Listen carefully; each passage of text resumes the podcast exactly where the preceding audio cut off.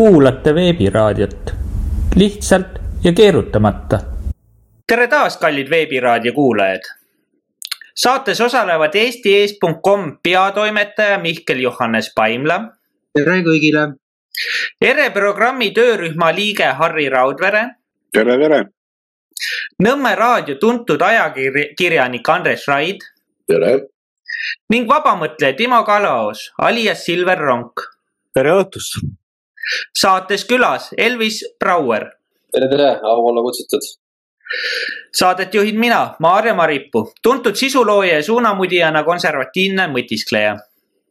selles saates ei esinda me partei seisukohti, vaid avaldame oma isiklikke mõtteid. alustame saatega. nädalaga olen mõned mõtted kirja pannud, mille ma nüüd teieni toon ja siin saates läbi arutame. hirm läbi aastatuhandete on hirmu kasutatud võimu teostamiseks ning rahva juhtimiseks.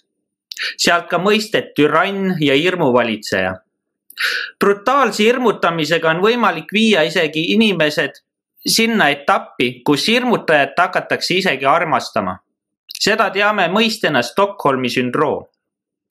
tänapäeval on muudetud vägivallaga hirmu, hirmutamine kriminaalseks kuid mis ei tähenda, et sellega enam inimkonda ei valitsetaks. praeguses hoolivas ühiskonnas on hirm ilusti ära fabritseeritud ning manustatakse läbi meedia ja filminduse rahvale. juhtusin nägema ühiskonnas palju kõneainet leidnud filmi Sound of Freedom, Vabaduse hääl filmi eesmärgiks oli tõstatada probleem inimkaubanduse ja laste seksuaalse ärakasutamise suhtes. arvestades homopropagandat ning ka seda, et globalistid suunavad ühiskonda just pedofiilia dekriminaliseerimise suunas, siis korraks mulle tundus, et midagi on siin valesti. ei saa ju olla, et globalistid ise näitavad rahvale sellise sisuga filmi.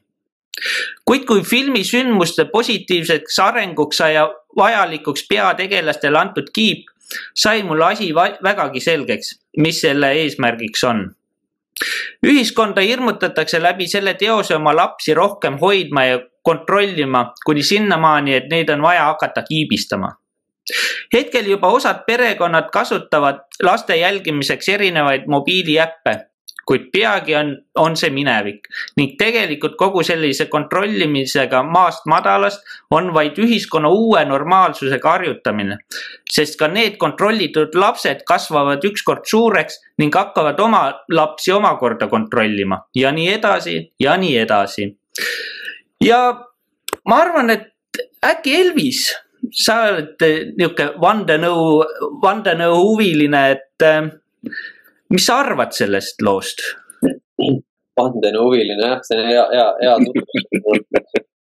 aga ei, mis ma arvan, noh, sa mainisid seal hirmu onju, hirm on, see on nii lai teema, et sa siin oma selles sissejuhatuses käsitlesid seda võib-olla ühe nurga, nurga alt onju, kuidas valitsejad seda eh, hirmu tööriistana meie vastu või oma eesmärkide saavutamiseks kasutavad, aga aga teisalt, noh, siin, eks me siin võime arutada, on ju, ja loodetavasti jõuame selleni, aga hirm on ka samas ülivajalik asi, on ju.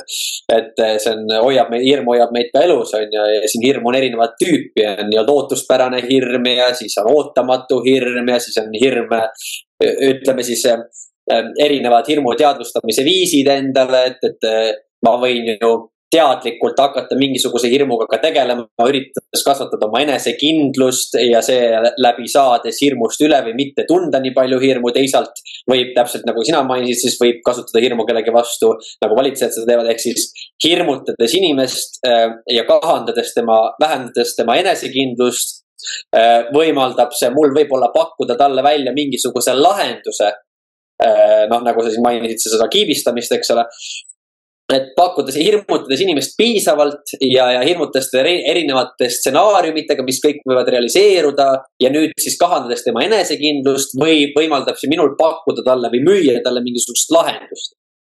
et ja see on siis ülihea, üliefektiivne viis, ma ütleks, kuidas panna suurt gruppi äh,, suurt osa populatsioonist või, või lausa noh, tervest, tervest siis maailma elanikkonnast Äh, vastu võtma mingisugust utoopiat või mingisugust asja, mis pikas perspektiivis lahendust, pikas perspektiivis meie kõigi jaoks on hoopis halb, on ju. et ühesõnaga hirm on väga-väga huvitav teema ja ma olen nagu teie kõik kindlasti ka elus pidanud vastamisi silmitsi seisma erinevat sorti hirmudega. ja, ja, ja see on väga huvitav teema, et see on minu võib-olla sissejuhatus või kommentaar sinu sellele sissejuhatusele. Just, nõustun täiesti, et ütleme nii, et ega inimesele arenguks on ka ju hirm on ikkagi vajalik, et esimene hirm on ju see, et ma ei tohi seda teha, sest kodus võin naha peale saada, vähemalt me, meie aeg oli see niimoodi. aga Andres. oi jah, see on üks, ma lööksin ühe väikese vahe siia sisse veel äh,. omal ajal Ritterschaft ehk siis siin äh, askeldanud mõisnikud, aadlikud Nad panid tähele, nad olid muide väga targad inimesed ja, ja kui ise mõistusest puudus, puudu tuli, siis äh, pöörduti emamaal ehk siis Vaterlandis, noh Isamaa tõlkes muidugi, Saksamaal olevate sotsiaalpsühholoogide ja sotsioloogide poole, et kuidas asju õigesti ajada. kogu see manipulatsioon on siiamaani meil sees ja meisse juurdunud. ja vaata seesama Ritterschaft pani tähele ühte niisugust ähm, asja, siinse kohaliku põlisrahva puhul. hirmud olid täiesti olemas. aga hirm on konkreetne asi, kes kardab kolli, kes pimedust, kes mõisnikku, kes naabrit, kes ussi, kes, kes üks, ükskõik. hirm on konkreetne, aga vaata aadlimeest piinab veel üks asi, mis on abstraktne, tähendab, mis mis, mis on abstraktne, tähendab konkreetne, on hirm, on konkreetne, aga õudus selline asi. vot, vot see on abstraktne ja õudus tuleb peale, kui sa mõtled näiteks no niisama tulutult elatud ela, elu peale, elu mõtte üle, niisugused suuremad ja sul tekib õudus, sa ei saa aru konkreetselt, mida sa kardad, mida sa pelgad. aga lihtsalt tunned, et midagi on väga valesti, õudus tekib ja selles mõttes noh, Aadlimees astus tapalavale väga lihtsal meelel, sellepärast et tal tema mõtted elavad, noh, pea tuli küll küljest ära, aga, aga, aga tema mõtted, teod, pere ja kõik see, see kõik elas edasi ju. et, et kadus ainult üks väike maa, mainekere. aga vaata, talumehel oli natuke teise, teine lugu. see pea oligi kõik, mis tal olemas oli ja see noh, ei olnud ka alati mitte mõtlemiseks, no see oli tihtipeale ka ainult söömiseks. ja seda hoiti ja Ritterschaft kirjutab, oma mälestustes on mitmel pool kirjutanud, et, et see oli ühest küljest hea, et ei olnud. tähendab, ta kartis konkreetseid asju, tegi täpselt e-, nagu ette nähtud, millal ette nähtud, kuidas ette nähtud ja ei lisanud sinna omalt poolt midagi juurde. E, aga vaata õudus on, on midagi muud ja ühtaegu peeti see nagu põlastusväärseks inimene elab niisama ja siis, kui ta käest küsid, et mida sa siin maa peal tallad, mida sa siin teed. ta pidas seda küsimust imetlikuks, nii et ma teeksin väikse vahe vahele. üks asi on õudne, õudus, lõputu õudus võib-olla, pind kaob jalge alt ära, teised asjad on niisugused konkreetsed hirmud. ja ega julgus ei ole ka ju mitte hirmu puudumine, vaid sellest hirmust ülesaamine. nii et noh, kuidagi niimoodi. jah, hirmust ülesaamise kohal ma siin korraks veel hüppan vahele, et mõtle korraks, tuli korraks kargas pähe selline pimeda toa analoogia on ju, et ähm, mõtle nüüd inimese peale, kes äh, selleks, et kõik võimalikkused, mis tema elus võivad olla, igasugused head asjad, potentsiaalsed tulevikud, kõik, mis võib realiseeruda, aga selleks, et see inimene äh, saaks seda kõike kogeda või need üldse kõik need võimalused realiseeruks, peab ta läbi minema ühe pimeda toa.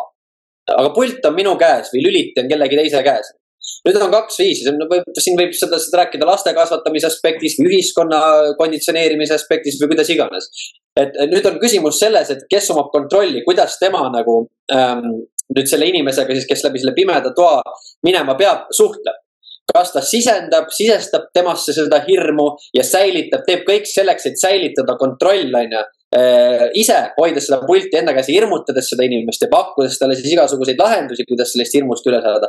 teine viis on kasvatada seda inimest siis niimoodi, et, et hakata kasvatama tema enesekindlust. ainus variant on minna sinna tuppa sisse. no see on see kõige raskem hetk, astu nüüd sinna pimedasse tuppa, on ju, sest kui keegi paneks tule põlema, sa näeksid, et see on lihtsalt tühi tuba ja teisel pool on uks ja siin ei olegi mitte midagi karta aga kui inimest vastavalt konditsioneerida, siis ta jääbki sinna pimeda toa ette seisma ja ta ei julgegi sellest koridorist nii-öelda läbi minna. nüüd on vaja sinna kõrvale kasvatajat või inimest, on ju, äh, või tugev, võib siis inimesel teha ropult endaga tööd selleks, et astuda esimene samm.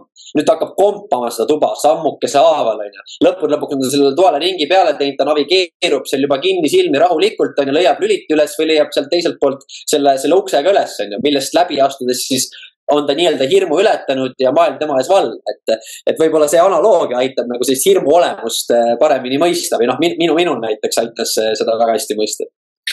just ähm, ütleme nii, aga, aga mida te arvate sellest äh,, minu meelest äh, tänapäeva ühiskonnal ei ole nagu mm, niisugust võimet hirmust üle saada, et, et kogu aeg ütleme, peavool toodab mingit hirmu kogu aeg peale. ja, ja osa inimesi, no ma ei räägi meist, on ju, tegelikult me, meie oleme nagu, ma ei tea, niisugune ma tunnetan nagu kõrgem pilotaaž, et me juba jagame ära, et, et kuule, et see kõik, mis peavool nagu nii-öelda ette söödab ühiskonnale, et see ei, ei pruugi iga kord sajaprotsendiliselt tõele vastata ja, ja ta, ta täidab ühte eesmärki. või, või mismoodi sina äh,, Harri, arvad sellest? no vot, äh, ma olen täielikult, täielikult Andresega nõus. ja, ja et on olemas konkreetne ja abstraktne ja õudus on abstraktne ja vot äh, meie ühiskonnas täna, meie ühiskonna liikmete hulgas on see õudus praktiliselt kadunud me ei tunne täna õudust, aga me peaksime tundma õudust selle, selle kõige ees, mis meiega tehakse. meie, meie hirmud on millegipärast kuidagi killustatud erinevatesse kategooriatesse, noh nagu, nagu räägime surmahirm ja sõjahirm ja kõik muud sellised väiksed hirmud. aga just seda üleüldist õudust, et ma, me oleme elanud valesti, et me oleme keeranud kogu oma riigi praktiliselt pekki ja tunda sellest õudust. vaata sinnani, sinnani ei ole meie inimesed täna veel jõudnud ja, ja, ja kui nüüd Andres seda ütles, ma pean ütlema, et, et nii sügavuti või nii, nii asjalikult või nii kergelt või, või nii lihtsalt tuua nii elementaarne välja, on, on geniaalne. Ja, ja see on, see on väga-väga selline, selline noh, nagu tore. aga noh, vaatame, vaatame nüüd seda hirmu natukene laiemalt, siis peame ju tunnistama, et Eesti rahva ütlus, vanarahvas, vanarahvas teab, ütleb ilusasti, et surmahirm ja sugutung, need on need, mis elu edasi viivad. Ja, ja paratamatult äh, hirm on elu koostisosa ja, ja, ja äh, me peame hirmu tundma sellepärast et hirm on ka teatud mõttes otseselt seotud meie enese alalhoiuinstinktiga. kui inimene ei kardaks midagi ja oleks, oleks sõna otseses mõttes noh, tegelikult ta ei oleks siis normaalne, minu meelest hirmu. ükski inimene ütleb, et ma ei karda, siis on kaks võimalust, kas ta on lihtsalt peast natukene soe või mitte, sellepärast et hirmu teatud asjade suhtes me kardame kõik. ja aga, aga ütleme niimoodi, et hirm ei tohiks kunagi olla manipulatsiooni manipuleerimise objektiks, aga täna see meie ühiskonnas on. ja läbi hirmu on äh, teatud ühiskondlik otsustanud äh, säilitada ja tekitada kontrolli meie ühiskonnas. ja, ja seda väga lihtsate ja väga banaalsete väljunditega, sellepärast nad teavad seda, et hirm oma olemuselt tekitab vihkamist ja inimene, kui ta midagi, midagi kardab, siis paratamatult on väga lihtne astuda sealt üks samm edasi ja äh, panna vihkama neid asju, mida ta tegelikult kardab. ja et ta, kui ta tegelikult peaks kogu aeg kartma, järjest rohkem karta, tuleb selle inimese teadvust mõjutada väga konkreetsete tunnussõnadega sellepärast, et äh, kui me lähtume ühiskonnas näiteks inimese või inimeste või kogukonna või ühiskonna mõjutamisest, siis meil ei ole vaja ju pikki loenguid pidada, me oleme läbi aastate treeninud või dresseerinud, ma ütleks, et dresseerinud on täitsa õige väljend. meie ühiskonda, meie, meie kaaskodanikke, meie inimesi reageerima teatud äh, tunnussõnadele ja näiteks ütleme nüüd näiteks noh, kui me praegu ütleme Venemaa, siis peaks kõikidel inimestel tõusma juuksed-karvad peas püsti. sellepärast, et ei ole midagi koledamat, hirmsamat kui Venemaa, sest seda on meile kogu aeg sisendatud. ja kui meid on sisendatud, et ta on kole, siis järelikult me peame teda vihkama, et ta meie õue peale ei tuleks. tähendab, need on sellised äh, väga lihtsad ja primitiivsed meetodid inimese teadvuse kallutamiseks ja mõjutamiseks. ja, ja ütlen niimoodi, et see hirm see, see, see hirm sobib selleks suurepäraseks, suurepäraselt. aga, aga vot me olemegi jäänud või kammitsenud hirmu sellisesse konteksti, aga me ei ole jõudnud sinnamaale, et kogu selle hirmu taga, selle hirmu taga, kui me hakkame sügavuti vaatama, siis meil peaks olema õudne, et me oleme paljudes küsimustes nii rumalad, et me tegelikult kardame ja tunneme hirmu. nõustun, nõustun. Äh, Mihkel, sa soovisid sõna? ja aitäh, ma selle eelmise jutu, ütleme siis nii-öelda jätkuks ma ütleksin niimoodi, et äh, meil on nüüd selline noh, mõnes mõttes skisofreeniline olukord, kus äh, Soome, ütleme siis konservatiivsem valitsus nüüd sulges piiri Venemaaga. ja samal ajal, mis nüüd toimub, Eesti veel ei ole valmis piiri sulgema, nii et see näitab, et teatud nagu paradoksid on meie ühiskonnas, aga nüüd siin lihtsalt selline näide, et äh, hiljaaegu siin hirmutati lapsi, et äh, Venemaalt või kust iganes tulid kirjad, et äh, kohe lõhkeb pomm või mingi sihukene noh, täielik kamarajura ja mida siis tahetakse teha, et lapsed usaldaksid ütleme koolijuhte, et teie nüüd peate sisuliselt uskuma seda, et mingi jama on ja siis teie peate meiega sisuliselt kaasa minema. aga siin nagu laiemalt seda teemat käsitledes, et see kiibistamine on üsna hea sõna, et meil tahetakse nagu noh, see Covidi süstimine ka teatud mõttes oligi nagu ühiskonna nagu selline kiibistamine, et kes läks vaktsiini kaasa, nemad äh, said nagu selle kiibistamise osaks, no ütleme siin vähemalt äh, ütleme suurem osa, et kes kahjuks läks sellega kaasa aga kaugemas tulevikus tahetakse inimkond suunata sinna, et äh, kui sa ei ole nõus kiipidega, sa ei ole nõus jälgimisega, siis sa oled paaria, sa oled ei keegi. aga selles suhtes mina arvan, et me peame nagu sellele totaalselt nagu vastu seisma, et äh, need, kes meid valitsevad, nad ei ole selles suhtes absoluutselt kõikvõimsad, et küll ka nende aeg tuleb, et nemad ei saa siin nagu ütleme siis lõpmatuseni öelda, et oi, meie tahame oma ütleme siis agendat läbi suruda, et siis surume kõik äh, sisuliselt läbi.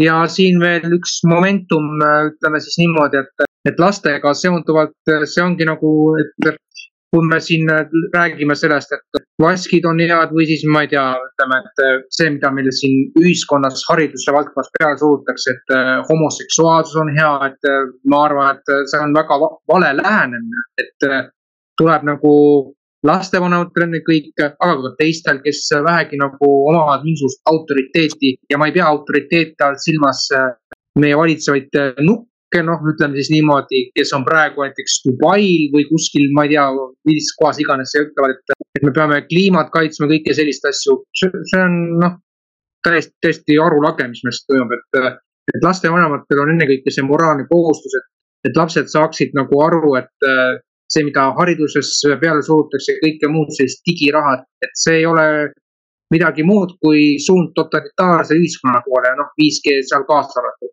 Et see oleks mu esmane pikem käsitlus selle hirmu teemale, et äh, annaks sõna nüüd äh, Timole, palun. aitäh, Mihkel ma sissejuhatuseks ütleks nii palju, et jah, see on õige, et seda võimu on äh, läbi aastatuhandete või noh, seda hirmu on läbi aastatuhandete võimu teostamiseks ja rahva juhtimiseks äh, kasutatud ja, ja kasutatakse täna ka, et äh, noh, võib-olla ütleme selline inimeste või rahva võimalus siis äh, oleks ju see, et see, see asi ringi pöörata ja tekitada hirmu hoopis enda valitsejates, et tõmmata sellega need valitsejad siis sellest tõmmata või rebida need valitsejad siis sellest mugavustsoonist välja et äh, ja hirmu koha pealt veel nii palju, et kui mina katusele tööle circa viisteist aastat ma tegelen lamekatustega tööle läksin, siis äh, vanemad mehed küsisid esimese asjana minu käest, Timo, kas sa hirmu tunned? noh, noor poiss teab, ei, mina ei tunne mingit hirmu.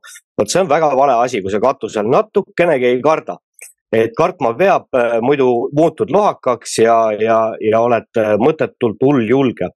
et hirmu koha pealt veel see, et meil on jõulukuu. meie võtsime Äh, naisega vastu see aasta sellise otsuse, et meie oma lapsi enam päkapikkudega ei hirmuta. kui meil siin Eesti rahvas, ütleme mingi osa rahvast kardab kogu aeg seda, et äh, kapo jälitab neid, siis meie lõpetasime sellise nalja ära, et meie lastele elame ei ütle, keegi sind kogu aeg jälgib et see tegelikult äh, on aastaid mõttes olnud, aga see aasta me tegime selle otsuse ära ja, ja endal on küll parem olla, kuigi ühele lapsele oli see päris kurb sündmus ja, ja lahistas nutta, nii et vähe ei olnud, aga, aga tema enam meie teda enam ei hirmuta päkapikkudega. et minu poolt sissejuhatuseks kõik kas laste käitumine pöördus paremuse või halvemuse poole peale seda? ma ei tea, täna oli küll hommikul natukene kurvad, et kalendrit ei olnud, aga võib-olla see on ka jälle sellest isetulest, sellest, sellest lollakast, kuidas öelda, noh, sellest kapitalistlikust äh, möllust välja vähe, et ei, ei osta seda mõttetut träni endale koju ja, aga ega sellepärast ei, ei jää meil kuusk olemata ja kingid olemata aga, aga muidugi ma toon kohe ühe näite, et ma käisin poisiga üks päev hambaarstil, tõmmati hamba, hammas välja ja me rääkisimegi, et hambahaldjat ei ole olemas ja kui, ja kui talle jõudis kohale, et ta padjal ühte eurot hommikul ei olegi, siis äh, ta oli väga kurb, aga ma andsin talle siiski selle ühe euro. okei okay., Äh, see on, see on julm ülestunnistus, näed, Kaja Kallas ka siin tunnistas ühel äh, siuksel kõnes üles, et jõuluvana pole olemas ja ühiskond siiamaani pasundab. ma ei saanud oma mõtet sealt, aga ma tahtsin veel nii palju selle hirmutamise koha pealt öelda, et äh, Harri siin, sa mainisid ennem Venemaad, et, et neid märksõnu on teisi ka, et kohe esimesena tuli mul meelde, et Venemaa kõrval sama hirmsad koletised on moslemid, islami usk, Äh, Covid üheksateist ja nii edasi ja nii edasi. ja muidugi. edasi minna jah, see, äh, seesama, see Venemaa ja islamüsk ja moslemid ja kõik ongi seesama pime tuba, millest ma ennem rääkisin, onju. ja, ja teine asi, Harri mainis väga, väga head asja siin on see, et hirm on tegelikult alalhoiu instinkt, onju. et äh, kui sa nüüd mõtlema hakkad, et kas me sööme sellepärast, et kõht on tü-, et tahaks süüa või häid maitseid tunda või sööme me rohkem sellepärast, et hirm on äh, ühel hetkel äh, nälga surra. et kas ma, kas ma tahan hea välja näha sellepärast, et äh, et, et mulle meeldib, noh, okei okay,, mulle meeldib tähelepanu ja, ja võib-olla ma saavutan mingi parema positsiooni, kui ma näen konstantselt hea välja või on kaalukam seal hirm selle ees, et mind mõistetakse hukka või peetakse vähemaks või peetakse vaeseks või, või, või peetakse ebapiisavaks või mida iganes, on ju, et. et lõviosas meid äh, kannustab alati hirm, aga nüüd, nüüd siis edasi minnes järgmise teema juurde on see, kuidas need valitsejad nüüd siis äh, äh, seda hirmu meie vastu kasutavad, on ju, te mainisite siin, kas Mihkel mainis või, või Maarja, sina mainisid, et, et me peaksime umbes vastu seisma kõigele selle kiibistamisele, kõigele muule. aga vaata, see tähendab seda, et inimesed peavad hakkama tegelema rohkem iseendaga iseendaga ja oma hirmudega, oma vaimse poolega ja kõige muuga, aga tänapäeval me elame ühiskonnas, kus inimesed otsivad kõigele väliseid lahendusi. näed, mul on mingisugune hirm, näe, siin on mingisugune tablett või siin on mingisugune ayahuasca, tee see üks ayahuasca seanss või joo, joo kaks pitsi seda kakaod ja peale seda sa noh, tead, oksendad natukene, aga peale seda sa saad sellest hirmust üle või saad teada selle tegeliku põhjuse, et see tegelikult tuleb üldse su üle-üle-eelmisest elust on ju, kus sul oli äh, metsas mingisugune madistamine karuga. saad aru, selliseid jaburusi räägitakse meile ja me olemegi nüüd tootnud või no jätkuvalt toodame sellist ühiskonda, kus kõik otsivad oma hirmudele ja probleemidele mingisuguseid väliseid lahendusi, selle asemel, et vaata peeglisse ja teadvustada seda, hakata iseendaga tegelema, on ju. et senikaua ei saagi me siin ühiskonnas ka või ütleme oma valitsejatele äh, kuidagi vastu, sest see eeldaks seda, et indiviidi tasandilt, no näed, siin mõned mehed elavad maal, on ju, te teate, milline vastutus kaasneb sellega elada maal. et äh, ma pean nüüd kõige eest ise hoolitsema, ma pean ise tagama enda jätkusuutlikkuse siin selle asemel, et ma võtan mobla välja, vajutan äh, äpist nuppu ja söök tuuakse mulle ukse taha. et see, see on kaks täiesti erinevat eksisteerimise viisi. küsime nüüd, kummal suunal meie liigume, milline on üldine üldine tendents meie ühiskonnas on ju. et äh, ja kui sa nüüd seda vaatad, siis tekibki see Andrese poolt räägitud väga õigelt, tekib õudus, õudne hakkab, kui ma selle peale mõtlen ja õudne hakkab, kui ma mõtlen, kuhu me liigume mina isiklikult ju, see ei tekita minus hirmu, aga õudust tekitab see, kui me samal suunal jätkame, et millise tuleviku me siis realiseerime ja ma olen sellega nõus jah, see õuduse mõiste sissetoomine, see oli väga õige. Ja nelja lapse isana ausalt äh, ongi õudne aga selle vaata ise vastutuse võtmise koha pealt ongi, et seal taga on nüüd küll, mina julgen väita, hirm, et äh, kui sa hakkad nagu vaatadki sinna peeglisse, siis sa pead hakkama ise otsuseid tegema ja vastutama, et äh, vot see on äh, nii paljude jaoks nagu noh, hirmu tekitav. Andres. siin on üks niisugune äärmiselt tore raamat, vaatan, kas on natukene näha. vot nii, see on võta nende sõnadest kinni ja see on selles mõttes niisugune käsiraamat selle kohta, kuidas, kuidas neid luuakse, neid seoseid. see tähendab, et luuakse sõnapaarid või siis sinna mõni sõna juurde veel. aga igal juhul, kui on tegemist araablasega, siis on igal juhul tegemist terrorismiga. kui on tegemist Iisraeliga, siis on tegemist igal juhul julgeolekuga ja nii edasi ja nii edasi. vaata mingite rahvuste puhul ja mingite riikide puhul on inimesel juba pähe kulunud mingisugused šabloonid ja kui küsitakse, et no mille põhjal need tekkinud on, aga ju räägitakse ju, oota, kus räägitakse? Igal pool, noh, igal pool ei räägita, ma täna olen pool päeva kodus olnud, keegi pole rääkinud. Igal pool räägitakse, no, no. Siis ja siis üks päev avastad niisugused, niisugused imelikud seosed, kui tekivad, kui oot-oot-oota, nüüd on kuskil Valga jaamas oli kuskilt ära põgenenud mingisugused tegelased üle piiri, illegaalselt tulnud. piiri tuleb tõustada, need tahtsid Tartusse sõita vist või ma ei tea, kus nad tahtsid sõita. Neid oli tervelt üksteist tükki. jube hirm, tuleb veel kümme tükki või viis tükki või. Soome piiril on paanika, jubedam hirm, on toodud juba mitusada põgenikku, osa on võib-olla üle saanud või ei ole, osa on tagasi saadetud kõik terve piir, tuhat kolmsada kilomeetrit või palju seda seal on, kõik on kinni, hirmud on suured.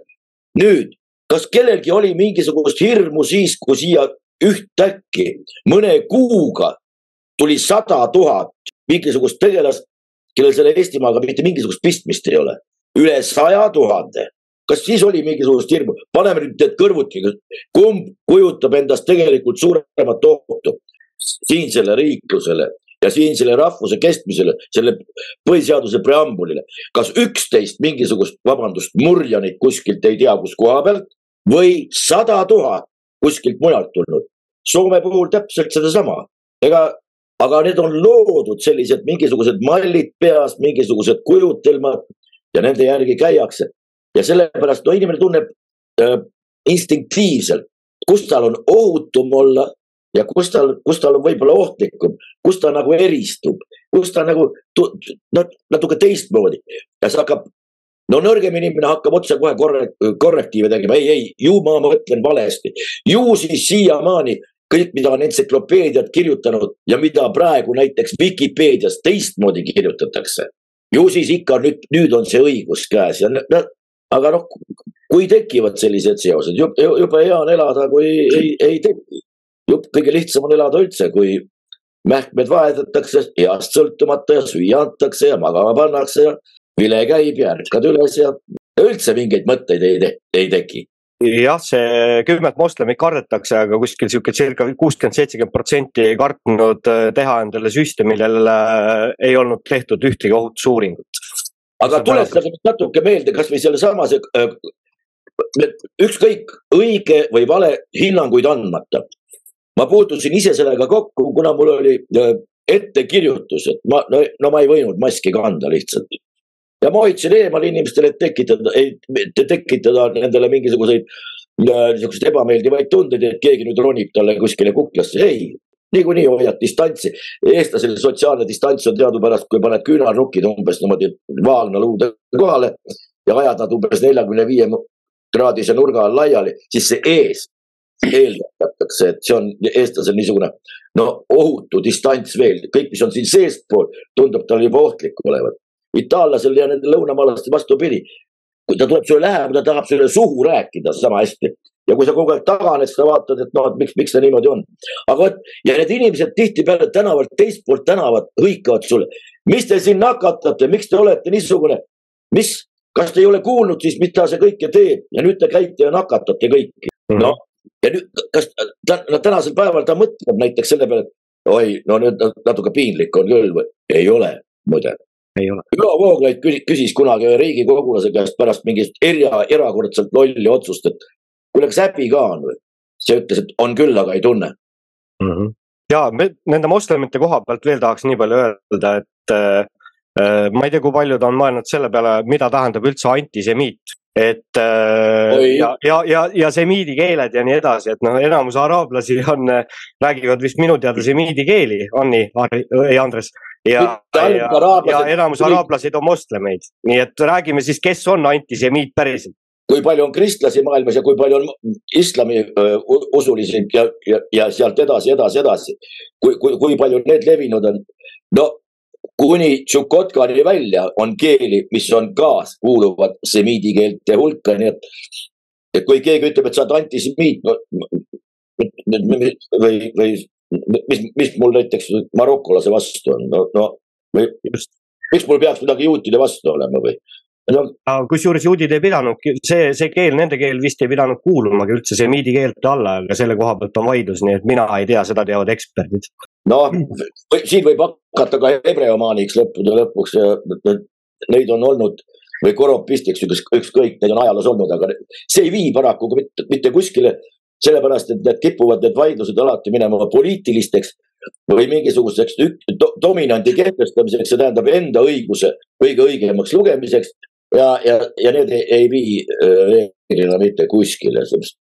mul juhuslikult, juhuslikult sattus täna siin, mul tuli kohe meelde Andres jutu peale, et ma loen ühe, ühe, ühe väikse punkti siin raamatust Tunnetuse võtmed, mille on kirjutanud Grigori Klimov ja. väga hästi tean ja vot ja siin on siis ühes peatükis kolm peatükk, peatükk kolm Saalomoni aks-, Saalomoni aktsioomid on ühesõnaga siis tõeline, tõelise antisemiidi definitsioon. tema definitsioon sellest on siis tõeline antisemiit, see on reeglina juudi verd inimene. miks? seepärast, et ta kurjustab juutide peale, et nad lasid tema organismi voolata sel rüvetatud roiskunud verel. seepärast ka ilma juudi vereta ei saa olla tõeline antisemiit. jah, Siuke... raamat on minul ka olemas, ma sain sealt Telegrami konverentsilt ja lugesin tund aega seda sisse ka. kõike ei julge ette lugeda, et siis ma saan lisaks antisemiidi templile otsa ette saan veel sada templit peale, et ja, see on hea.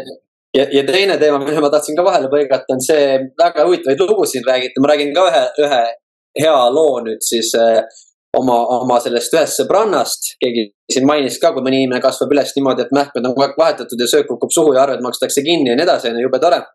ja siis üks mul sõbranna on selline, on ju, ja tema oli ka siis noh, tituleeris mind, me oleme pika, pikaldased sõbrad olnud ja tituleeris mind üheks rassistlikuks, ekstreemseks, toksiliselt maskuliinseks meheks, kellele, kes vihkab sõjapõgenikke ja siis noh, ühesõnaga, kuidas ma ikka ei saa aru, et neid on vaja, neil on vaja abi ja kus on minu kaastundlik süda ja nii edasi. ja siis ühesõnaga peale seda, kui need nüüd on seda hordide viisi sisse saabunud eh, möödunud aastate jooksul, lähiaastate jooksul, siis nad on koondunud Mustamäel ühte piirkonda noh, ühesõnaga neil on, neid on päris palju seal ühesõnaga mingisugused sotsiaalsed korterid seal. ja siis, kui meil on vaja, me saime kokku siin äh, mõnda aega tagasi. Ja oli vaja jalutada, siis noh, ta, tal on nüüd laps jah, värskelt sündinud laps. Ja ma ütlesin, kuule, aga näed, lähme siit otse, siit pargi kõrvalt, et ja siis ta ütles, et aga ma ei taha siit minna, et lähme sealt ringiga, et ma ütlesin, milles asi on. no kuule, tead, seal on neid, äh, ma ei tea, neid äh, musti on jube palju, et nad seal nurga peal kogunevad ja pargivad oma autod ja mängivad kõva muusikat seal ma ütlesin, oot-oot-oot-oot, aga kus on nüüd sinu kaastundlik süda, et nüüd need kõik, kes siia sisse vaatavad sulle siin vastu, et mine nüüd jaluta sealt mööda ja küsi, kuidas neil läheb ja kas nad ikka taastuvad äh, sellest, nendest õudustest. kusjuures need on mehed vahemikus kaheksateist kuni kolmkümmend viis on ju, rohelised kotid seljas, sõidavad mööda Tallinna linna ringi, õpivad linna tundma need on äh, täiesti sõjakõlbelised mehed, on ju, mitte ei ole need naised-lapsed, et. noh, ja nüüd ma ütlesin sõbrannale, kas sa saad nüüd aru, et mina üritasin sind selle eest nagu kaitsta, ma ei vihka neid ja, ja kui asi peaks, mingisugune oht peaks realiseeruma või asjad peaksid siin pingeliseks minema, siis mina lõppude lõpuks, ma võin minna sinna seltskonda, suruda kellegagi kätt ja nädala aja pärast me ajame mingeid asju saad aru, need vennad töötavad minu jaoks või, või kes iganes, onju. ma saan kuidagi asjad aetada, aga sina pead siin hirmu tundma, onju. et, et probleem on igal juhul see, et äh, inimesed noh, äh, selles ütleme siis sõna, võib-olla sõnastan paremini, see liigne sümpaatia. Äh, ennast on väga lihtne tituleerida või pidada selliseks, selliseks väga üllaks ja abivalmiks inimeseks, aga selle tuleb, sellega tuleb väga ettevaatlik olla. et minu kommentaar siia vahele ja ma tahaks vahele rääkida, sest ma nüüd paar päeva olen vaadanud nii-öelda peavoolu uudiseid ja no mul on küll vahepeal noh, hoia peast kinni, ma ütlesin, et mida nagu nii-öelda eestlastele näidatakse, et, et nüüd, kui seesamune eh, peavoolu sisu nüüd eh, tõsta näiteks Prantsuse televisiooni ja öelda, et siuksed asjad toimuvad Prantsusmaal, siis ma arvan, et iga õhtu peale uudiseid linnad põleksid lihtsalt. lihtsalt reaalselt inimesed laamendaks nagu, aga meil, eestlased, on jumala vait. ja, ja mis mind eriti naerma ajas, oli siis äh, eilne äh, linnavolikogu siis istungi mingi kommentaar ja siis otsustatakse, et Lasnamäele peaks tulema Tivoli.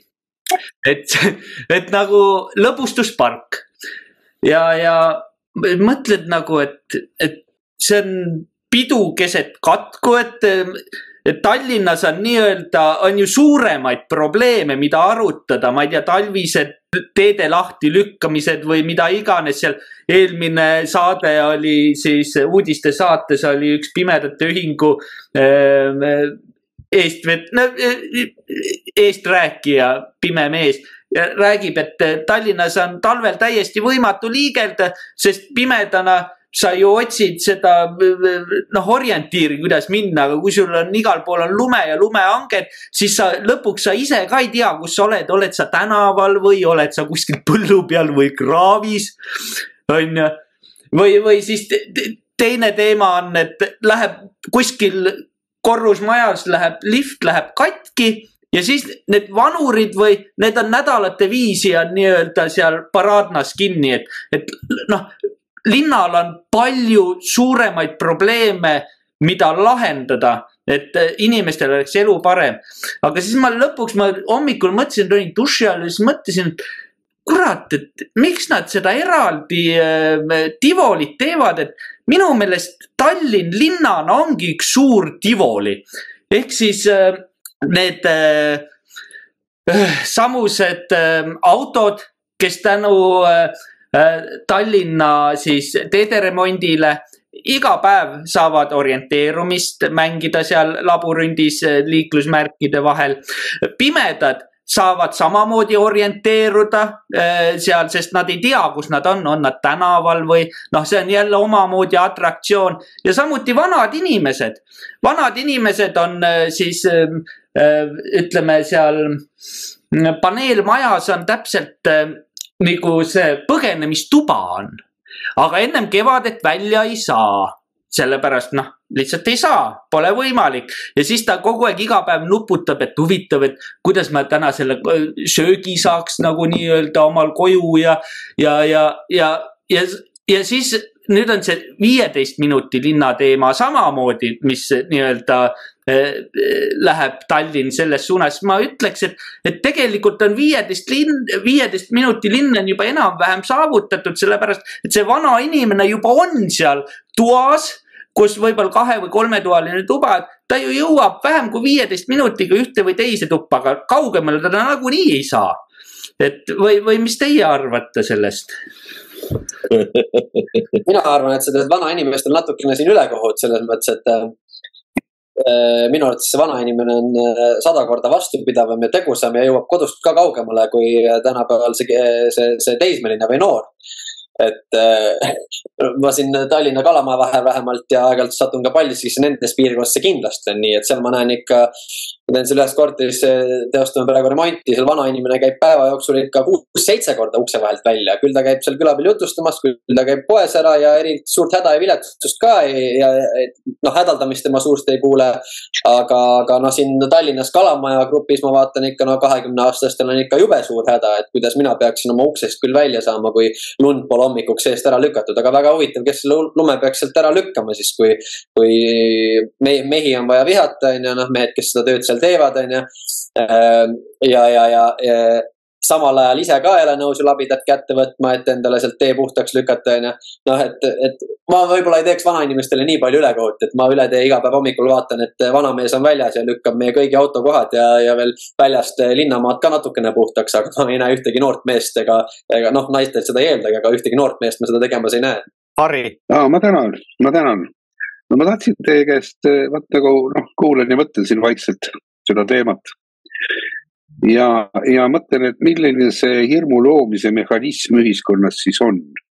et kuidas seda siis nagu kõige paremini rakendatakse või millele tuginetakse, kui, kui üritatakse ühiskonnas ilmu, hirmu külvata. ja teate, täiesti selgelt võib öelda, et kõige suurem hirmu moodustamise komponent, see on objektiivselt minu arvamus, on, on vale ja valetamine ja, ja teatud asjade ebaõige nagu kajastamine ja, ja kõige suurem vale on pooltõde. et sa pikid sellesse valesse ka teatud tõekomponente sisse, millest inimesed aru saavad. ja, ja nad võivad nende üle vaielda. ja vot, kui vaieldakse ka ikka selliste asjade üle, millest inimesed noh, nagu üle on või, või mõistavad. ja mis sest, et üks pool mõistab ühtemoodi, teine mõistab teistmoodi, aga see loob juba iseenesest sellise vastandliku käitumisviisi, kus igal mehel on oma tõde ja, ja kõik on nõus teist sellesama tõe nimel maha taguma. see on muidugi ääretult, ääretult selline noh, ma ei oska öelda, kas see on nagu sihilikult välja mõeldud või, või lihtsalt teaduslikult paika pandud käitumismudel, aga tavaliselt niimoodi see ka välja kukub. aga teate, mis on siis, mida inimesed, mida statistika väidab, mina ei tea, mina ei ole seda kunagi oma nahal tundnud. mida statistika väidab, mida inimesed kõige rohkem kardavad, aga mida nad ka oskavad kõige paremini varjata. mis on nende inimeste kõige suurem hirm ja, ja võib tunduda nii naljakas, kui see ka ei ole, et kõige suurem hirm inimestes on avalik esinemine et kui sa võtad täiesti tavalise inimese juurde, püüad tal kratist kinni, et, et nüüd hakka rahvale rääkima, roni sealt küünele ja hakka, hakka rääkima vabalt ja ladusalt.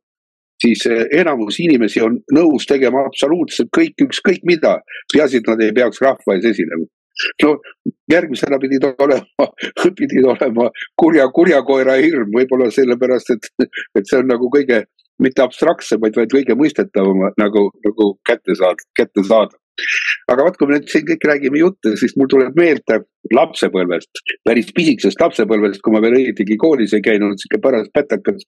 klippasin Elva tänavatel ringi ja, ja me olime, me olime siis me olime ikkagi väga pikalt väljas, me olime tavaliselt nii pikalt väljas, et vanemad käisid meid mööda tänavaid taga otsimas, et kus me oleme, et, et kuu on ammu taevas ja tähed hakkavad ka sirama ja ka lapsed ikka pole veel koju tulnud. ja, ja siis hirmutati meid äh, täitsa kollektiivselt sellise, sellise mõistega nagu pidid olema verevõtjad. et sõidavad musta tšaikaga mööda äh, linna ringi, ostavad väikseid lapsi ja võtavad neid vere välja ja viskavad kraavi. ja vot siis oligi niimoodi, et ma mäletan täitsa, täitsa ilmselgelt, kuidas me sõpradega istusime Sireli põõsas ja passisime, kuidas üks must auto ta mööda sõitis. me tundsime paanilist hirmu ja me olime veendunud, et see on Tšaika ja seal on verevõtja võetakse veri välja. no ma saan aru, et niimoodi lapsi traumeerida ei olnud võib-olla kõige mõistlikum, aga, aga teisipidi ma peaks ütlema, et see distsiplineeris. et me nüüd nagu osk oskasime nagu vähemalt ennast hoida või võib-olla nende no, nagu olematute väliste ohtude eest aga kui te tõite siin enne näite, et, et meie immigrandid, eks, et sada tuhat tuleb sisse ja meil närv ka ei liigu nende peale, aga, aga ühiskond ju loob meile kuvandi, et need on ju meie sõbrad. Nad on ju meie sõbrad, nad on meie parimad liitlased, kaaskodanikud, nemad, kes võitlevad meie õnne, demokraatia ja vabaduse eest.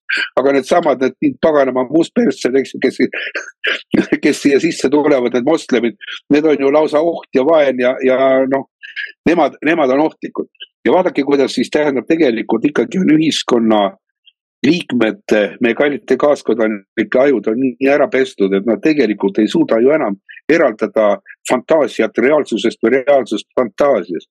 ja ma tahtsin tegelikult äh, Elvise käest küsida, et mul on, mul on nii meeles ja, ja kogu aeg on ka hinge peal, et kui sa julgesid äh, rääkida Ukraina sõja tõelistest põhjustest, nii nagu need asjad tegelikult on ja, ja kuidas suur äh, kogu noh, Eesti poliitilise eliidi paremik nagu Urmas Paet ja kõik, kes sellised seltsimehed hakkasid sõna võtma ja, ja sind maha tegema. ja, ja tahtsin küsida, et kas nad sind ka hirmutasid või, või rääkisid nad niisama lolli juttu sinu kohta? no sellega on niimoodi, et ega ühelgi mehel, ma ei tea, kas siis pole julgust või, või tegelevadki nad rohkem oma PR-iga, aga personaalselt äh, pole mitte ükski mees mulle ei kirjutanud või ka tänaval juhuslikult äh, teineteisest mööda jalutades pole julgenud ka mitte midagi öelda. ehk siis mind hirmutatud selles mõttes nende poolt küll ei ole, küll aga noh, vaata, mida üritati teha, oligi selline noh, ega siin Toomas Hendrik Ilvesegi on ju, et, et kirjutab oma Twitterisse, et kus ta elab ja, ja, ja, ja millega tegeleb, on ju, noh, tead, see on selline, see on selline päti käitumisviis, et ma tean, kus sa elad, vaata, ma otsin su üles. aga talle võime ka vastu öelda, et mees, me teame ka, kus sina oled, me teame, kus su lapsed koolis käivad, me teame kõike seda, noh ja edasi.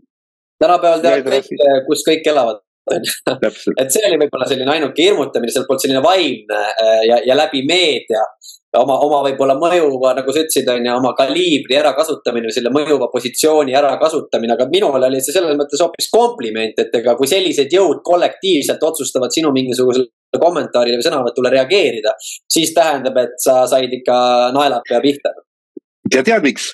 sest nad kardavad ja neil on hirm ja neil on hirm tõe ees, sest tõde on väga-väga valus just nimelt, see, see oli teine selline juhtum, see, kui me Ukraina teemal käsitlesime seal Peetriga ja esimene kord oli sama see koroonaaeg on ju, kui ikkagi ei suutnud ükski seal kõrge kaliibriga äh, poliitik äh, Riigikogus äh, noh, seda nime mainimata, et, et, et Memcafe nime mainimata, et on ju. ja hirmust veel üks huvitav asi, mult on palju küsitud selle Memcafe kohta, et kas sa ei kartnud või noh ka siin teemasse minema, et kas sa ei kartnud või, või, või kuidas sa julgesid või.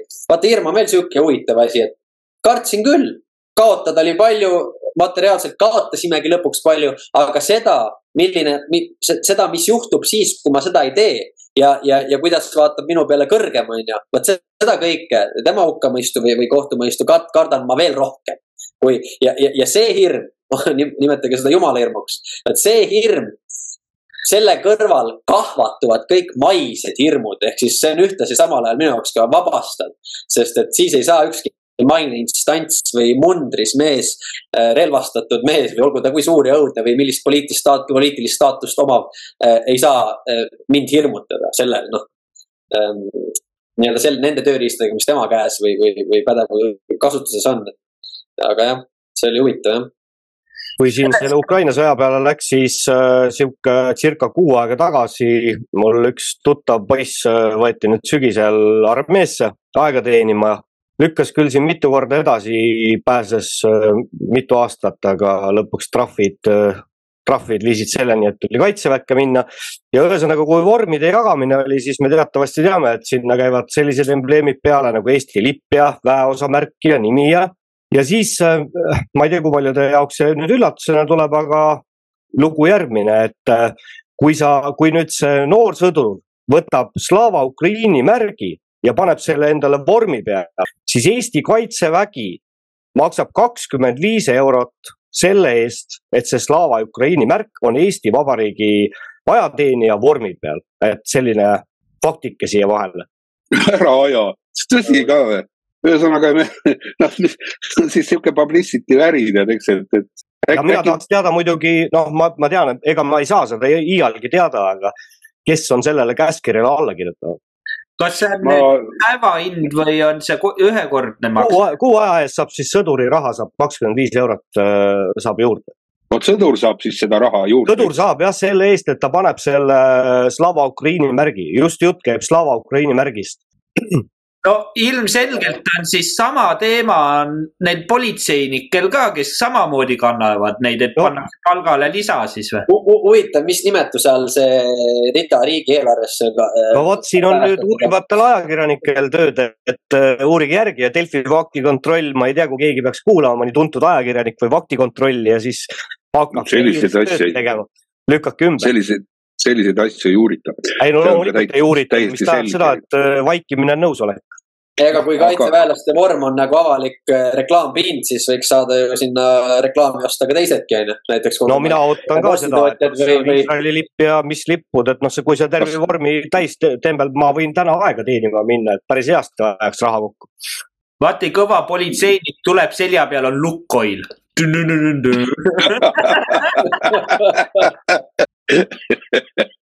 Andres jaburdusi on, on kõvasti, keegi on äh, äh, pakkus välja siin, et noh, mida peavool toodab ja kõike.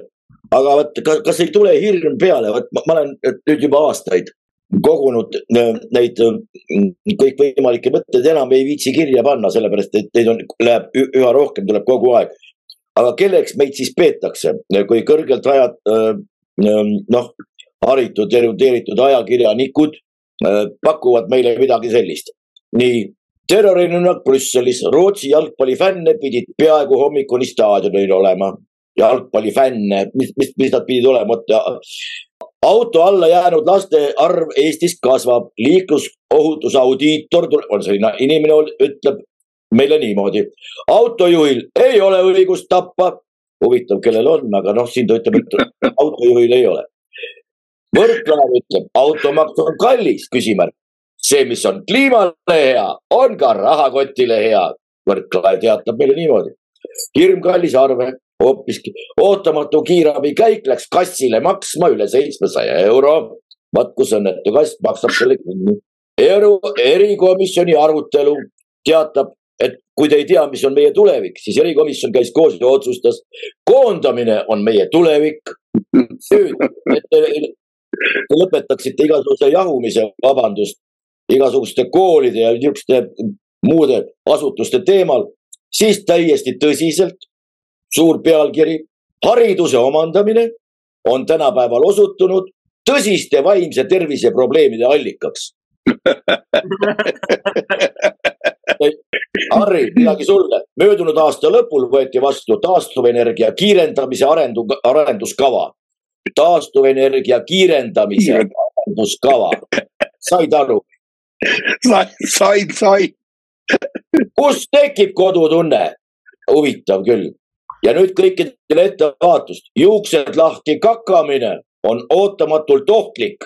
ma räägin teile praegu tõsijutte. liikuvusreform jõuab inimesteni pärast bussipileteid ja automaksu. nüüd inimene ei tea, mis asi on virts ja mis asi on sõnnik. nüüd virtsatükiks tordil Kallase ja Halliku kaubaveod idasse ja kolmekümne miljoni euroni müügikäive Venemaalt sanktsioonide ja sõjakiuste. virtsatükiks tordil. Meta, Metaprinti majandusaasta aruanne paistab silma, millega valitsuskriitilisusega. aastaaruanne jah, aastaaruanne, Metaprinti, see on see alliku firma Jah. Majandusaasta aruanne paistab silma valitsuskriitilisusega. ja nii edasi, nii edasi. mul on köidete kaupa seda jama, vabandust. Rõlski linna ründas droon korduvalt. ründas ja tuli tagasi ja läks ründas jälle ja jälle tuli tagasi. ja jälle ründas ja jälle läks midagi puruks ja, ja, ja, ja tuli jälle. jälle tuli tagasi. ja see inimene istub meil Riigikogus ja korraldab meie elu olemist. no käsitlematu. Ei no nii on. jah, see on elu, see ongi elu, see ongi meie elu. vaata siis tulebki niisugune õudus peale, et kas ma olen nüüd ise millestki maha jäänud kas mul on salaja mingi süst tehtud või, või, või on midagi juhtunud, et ma olen mingisugusest rongist maha jäänud, sellepärast et kõik peab olema õhine, õhinapõhine, kõik peavad olema mm, kaasa kistud mingisugusest õnnetundest, selle jaoks on olemas õnnetreenerid, kogemustreenerid, elutreenerid, ma ei, ma ei tea, mis kõik neid treenereid, kõikvõimalikke ametikohti.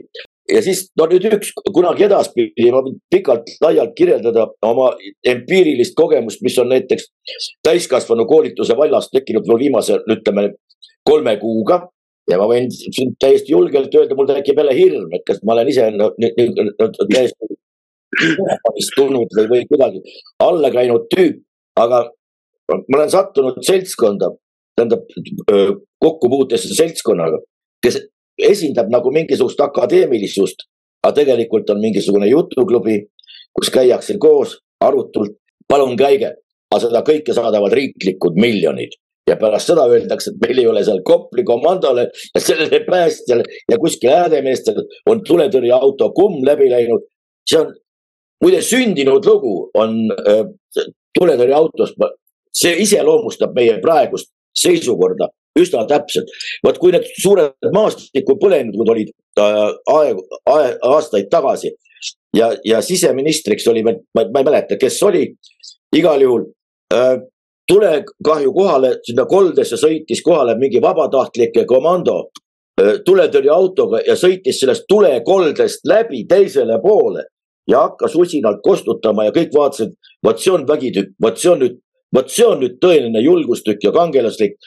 ja kuidas need inimesed niimoodi saavad ja pärast, kui see oli kõik kustutatud nädalaid hiljem, siis kutsuti see meeskond välja ja see, äh, preemia oli rahaline ja siis selle äh, komando pealiku käest küsiti, et mis te selle rahaga teete nüüd, mis me teeme, ostame sellele vanale sillile, pidurile lõppude lõpus klotsid ka. Nad ei saanud pidama. Nad ei saanud pidama. ja kogu see asi meenutab meil noh, see liikumine täpselt samamoodi praegu, et noh, kui keegi teeks mingi hoolduse natukenegi, mingi, mingidki pidurid või. seepärast, et ainult julgelt edasi, kui auk on ees, no ei ole mõtet, võib-olla kaks sammu võtaks kõrvale, läheks ümber või vaataks, kas üldse suund õige on. aga noh, see ei tule kõne allagi.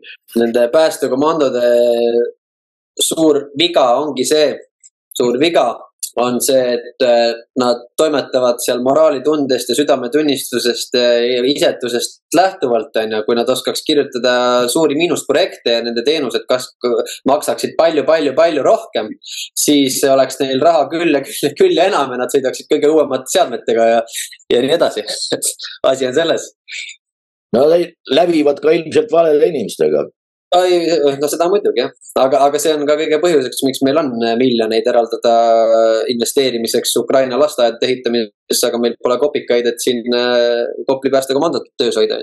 no vot Kopli komandole kümmet tuhandet ei leia, aga sinna peaks palkama saja tuhande eest projektikirjutaja. täpselt, täpselt. ja kõik hakkaks minema kõik saab, kõik saab alguse sellest, et meie majas või ütleme, majas peab olema peremees ja meil seda ei ole, meil on kõige ehtsam kolhoosi kord, mida me nimetame esindusdemokraatiaks.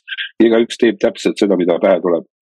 vot eh, ma kujutan ette, et kui meil oleks presidentaalne riik, mitte parlamentaarne läbi esindusdemokraatia, vot siis ma usun, et sihukest jama oleks eh, noh, suhteliselt vähem sellepärast, et siis on konkreetselt kellegi käest küsida või keegi peab vastutama kogu riigi majandamise asjade eest et siis võib-olla jõuaksime isegi nii kaugele, et meie riigil oleks mingisugune eesmärk või, või plaan, mis tugineks siis meie põhiseaduse preambulile, aga, aga niikaua kui seda ei ole, siis, siis elame rahulikult õndsas kolhoosi korras ja igaüks teeb täpselt seda, mida pähe tuleb ja, ja mitte mingisugust regulatsiooni, kontrolli ja ühtegi riiki, ma tahan veel öelda, mitte ühtegi riiki ei saa majandada projektipõhiselt.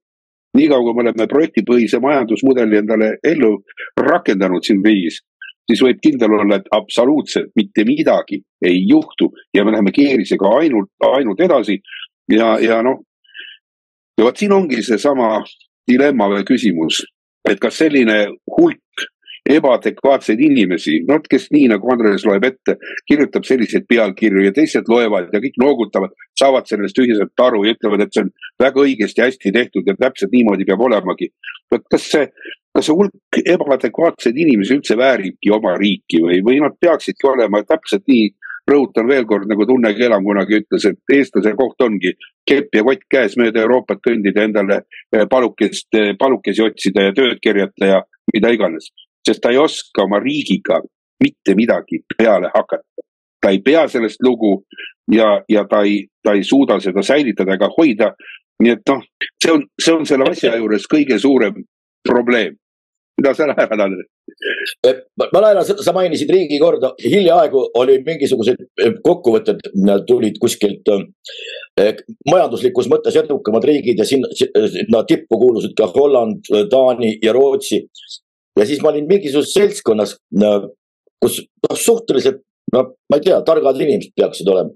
arutasid, et näed, majanduslikul heaolul ja demokraatial on kõige otsesem seos olemas ja ma küsisin, et vabandage, mis te ütlesite, mis demokraatiast te räägite? Hollandi, Rootsi, Taani, need on kõik monarhiad, mis demokraatiast?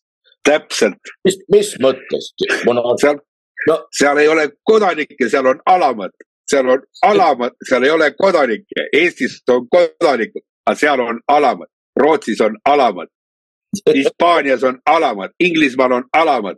Inglismaa alamad, muide Austraalias ja Kanadas. täpselt nii.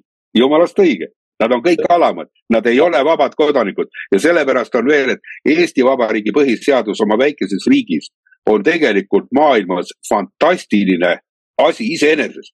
Ja kui sellist, mis on kätte võidetud, sellist dokumenti me lörrime, me lörtsime sõna otseses mõttes riigi ja rahvana.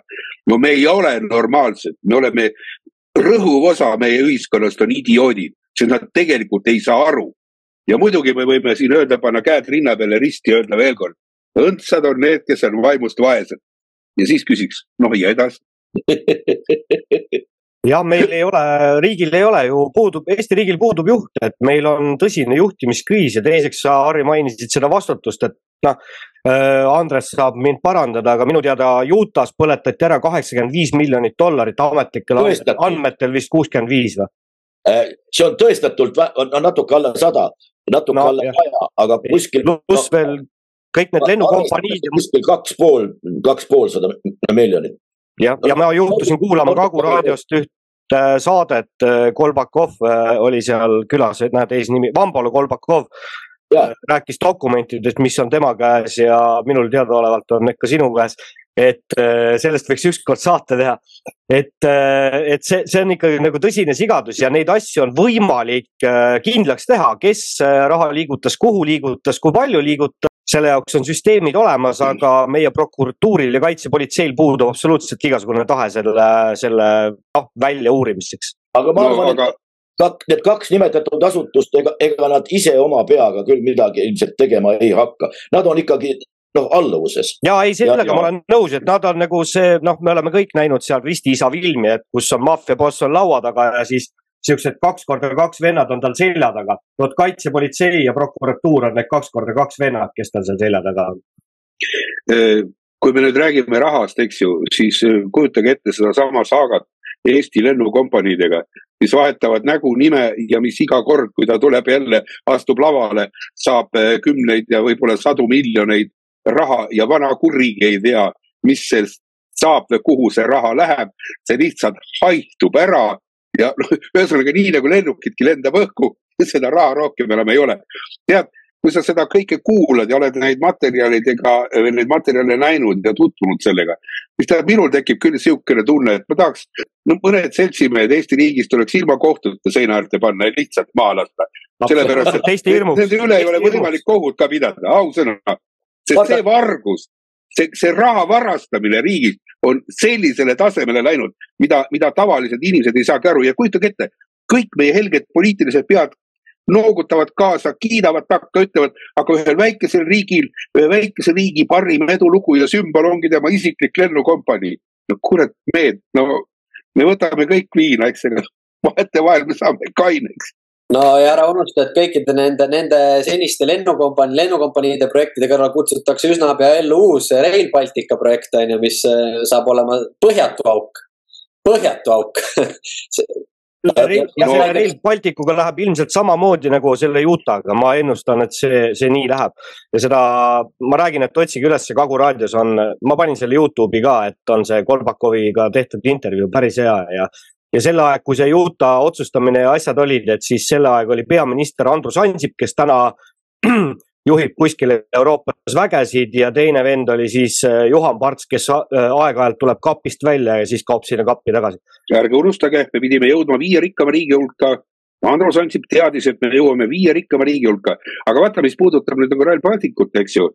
siis eh, minule imponeeris isiklikult või isiklikult imponeeris mulle ühe Ameerika kindrali suur eh, manitsus Eesti riigi suhtes, et te kuradid polegi seda veel valmis ehitanud, et te oleksite pidanud selle ammu valmis ehitama, et kui kui neil on vaja hakata seda sealt liigutama rasketehnikat seda raudteed pidi, siis eh, paratamatult tekib üks ainukene mõte, et oot-oot, et kas siis on niimoodi, sealt tuuakse siia rasket tehnikat ja siit hakatakse ära viima veel viimaseid asju, mida meilt maapõuest on võimalik välja kaevata või välja urgitseda, sest muuks otstarbeks praktiliselt seda raudteed vaja ei ole sellises mahus, sellise kandevõimega, sellise kiirusega, see peab olema ainult teatud strateegiline projekt, mis on suunatud eh, tulevikku, mis pühib lõpuks koos selle raudteega terve Eesti ja riigi ja rahva siit maa pealt minema. see on minu subjektiivne arvamus. nõustun sajaprotsendiliselt sellega. kõik, kes vähegi on äh, siin tegelenud nende suurte projekti ehitamise asjadega, vaatavad, arvestades neid just nagu sa mainisid, kandevõimeid, laiuseid, mõjusfääri suurust ja kõike seda siis, siis täpselt nii see ainult olla saabki. Ja kui sa nüüd paned selle kokku veel teiste projektidega, mis on samal ajal nende Soodla ja muude harjutusväljakute Nursipalude laiendamine on ja siis veel lisa sinna otsa Paldiski suunalt tulev siis või arendatav ja, ja Tallinnast läbi selle hipodroomi Kristiine piirkonna liikuvuse arendus, kõik. Ühesõnaga meil on eesmärk ongi luua Paldiski äh, Ida-Eesti ja siis, ja siis äh, Euroopa vahel selline terviklik maavarade ja militaartehnika, maavarade väljaveo ja militaartehnika sisseveo äh, teenindamiseks vajalik äh, raudtee infrastruktuur.